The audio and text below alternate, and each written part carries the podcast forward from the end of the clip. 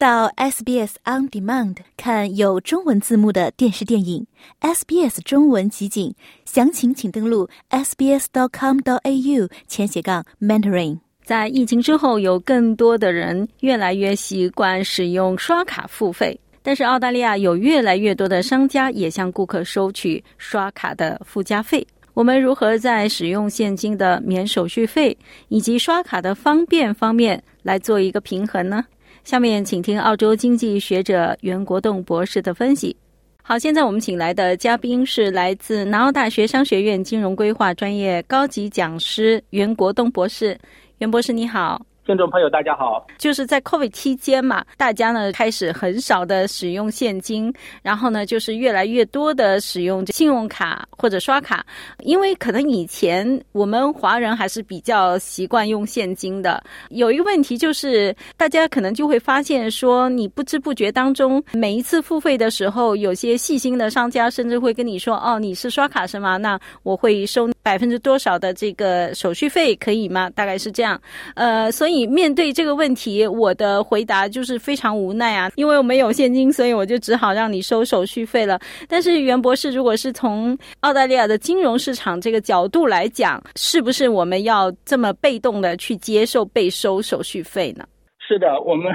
我们会看到呢，一些商家收取呃附加费的做法，其实是。普遍存在的，特别是在一些呃餐饮和旅呃旅游行业呢，它更倾向于收取这个信用卡使用的附加费。部分原因呢，是因为这些行业的交易成本相对较高，同时也是因为这些行业的消费者呢，更可能的使用信用卡进行呃消费。外呢，一些小的企业或者有特色的店铺呢，也可能因为处理卡支付的费用相对较高而收取的附加费。对于消费者来说呢，又应该如何理解这一点呢？小的企业呢，通常会面临的主要挑战就是他们的这个交易量较小，是因为银行和支付处理商给予的这个交易费率较高。所以说呢，对消费者来说呢，可能要理解一下小企业在支付系统上面临的成本压力。呃，也是很重要的。就是说，在澳大利亚呢，向消费者收取信用卡附加费呢，那企业其实也是要遵守一些要求的，是有一些透明度的要求。比如说呢，企业在向这个消费者收取附加费的时候呢，它必须确保费用的透明度。也就刚才你提到呢，交易发生之前呢，消费者应该被清楚的。告知任何的附加费，比如说你如果是餐厅或咖啡馆呢，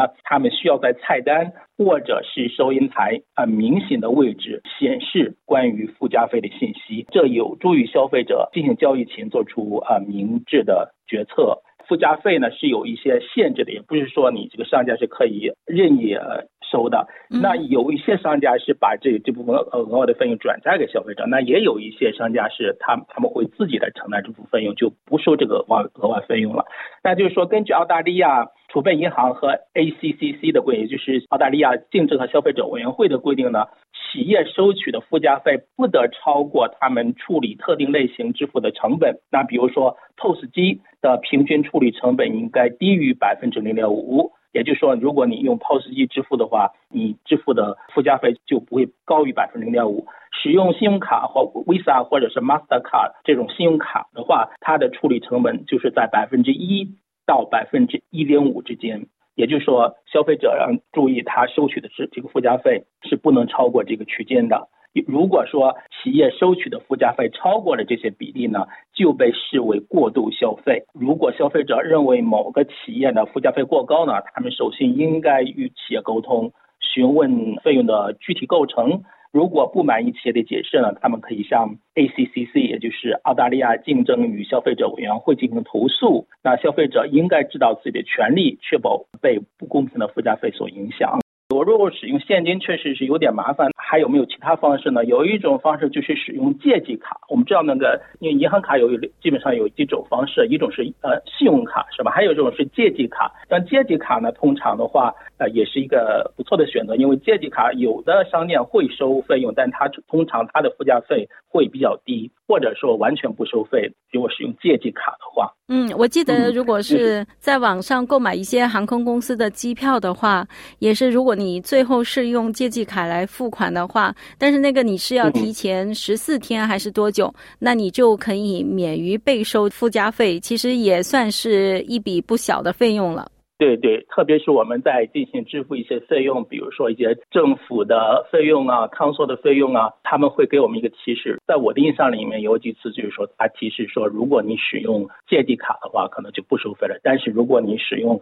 这个 Visa 或者 Master Card 的这种信用卡的话，它是按照这个百分百分之一或者百分之一点五来收取这个附加费的。还有一种其一些方式，一些移动或网上的支付方式，比如说 B Pay。PayPal、Diners Club，像这些呃，属于一种第三方的网上或者移动的支付方式，它也是不收附加费的。可以把自己的银行卡的钱转到这个第三方，像 PayPal 开一个账户。那你如果是这个商店可以接受用 PayPal Pay 的话，那可能这个信用卡的附加手续费就可以免掉。再一个就是由美国运通直接发行的美国运通卡，它也是一种信用卡，它也是。不收额外的这个信用卡附加费的，但是听众朋友要注意一下，就就是说，在有一些消费场所，他可能就不接受这使用这个美国运通卡。还有一种情况就是打出租车呀，就出租车，注意就是出租车付出租车费用的时候，你不管用信用卡还是什么，即使你用信用卡支付，你也是不需要支付这个额外的信用卡手续费的。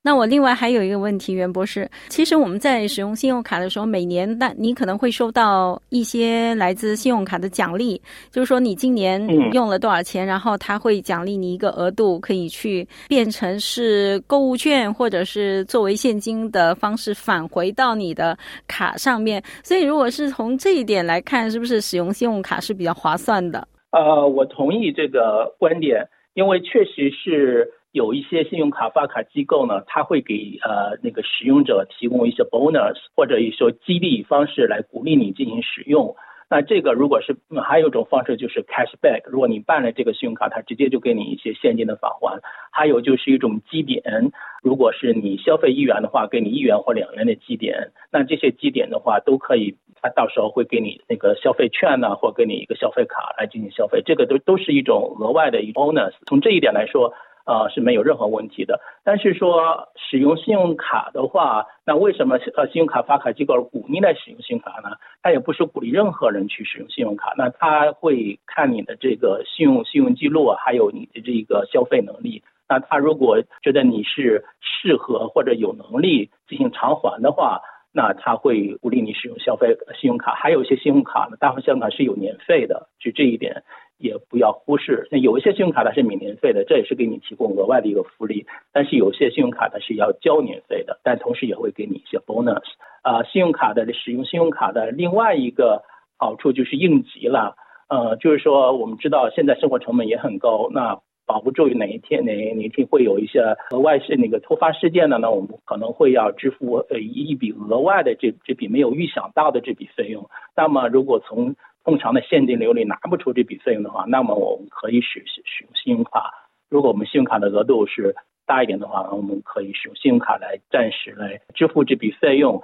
那信用通常是信用卡，它会给你一个还款期嘛，在还款期呢，就是说啊一个月，通常呢这一个月的话，它是不会向你收取那个利息的，是吧？那即使是说呃过了一个月，你偿还不了全部的。额度，那你可以选择偿还一部分最低额度，那个是会收取利息的，所以这个要特别小心。会会会收取利息，而且利息是相对来说是比比较高，也是不是对比较高的。这个就是你可以跟呃信用卡发卡机构呢进行一个啊沟通，来设计一个最好的一个还款计划，看看有没有一个最优组合。而且现在网上的这个 A P P 很方便，所以如果你设定了这些信用卡的还款计划，比如说你需要分期的付还你的还款，但是你发现这个利息特别高的话，你可以自己就是在这个 A P P 里面操作进行取消，所以呢也不会说因为时间的延误而造成一些损失。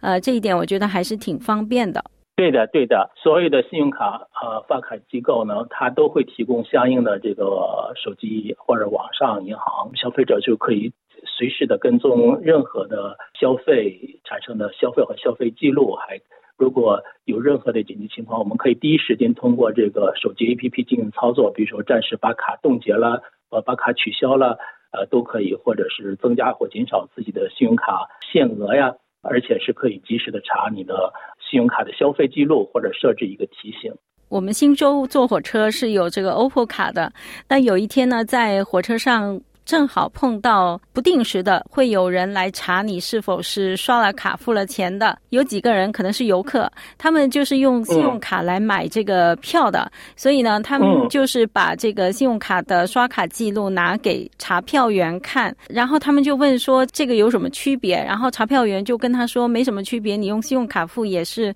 非常合法的，也是 OK 的，但是信用卡呢收的费用会比较多，而你如果用 OPPO 卡的话，它其实是等于说在费用用上面是有打折的，所以会便宜很多。像袁博士刚才说的，有时候紧急情况你没有带卡，或者你没有卡，没有 OPPO 卡，那你只能够刷信用卡应急一下也是 OK 的。但是如果在我们的日常生活中，我们要多注意，就是说有什么比较常规的或者第三方的卡是可以避免让你产生这些手续费的，细水长流算起来也是一笔不小的费用。是的。我觉得有一张发卡机构的信用卡，呃，放在身上还是蛮方便的。好的，那今天我们也非常感谢来自南澳大学商学院的袁国栋博士的提醒，谢谢。谢谢 Lucy。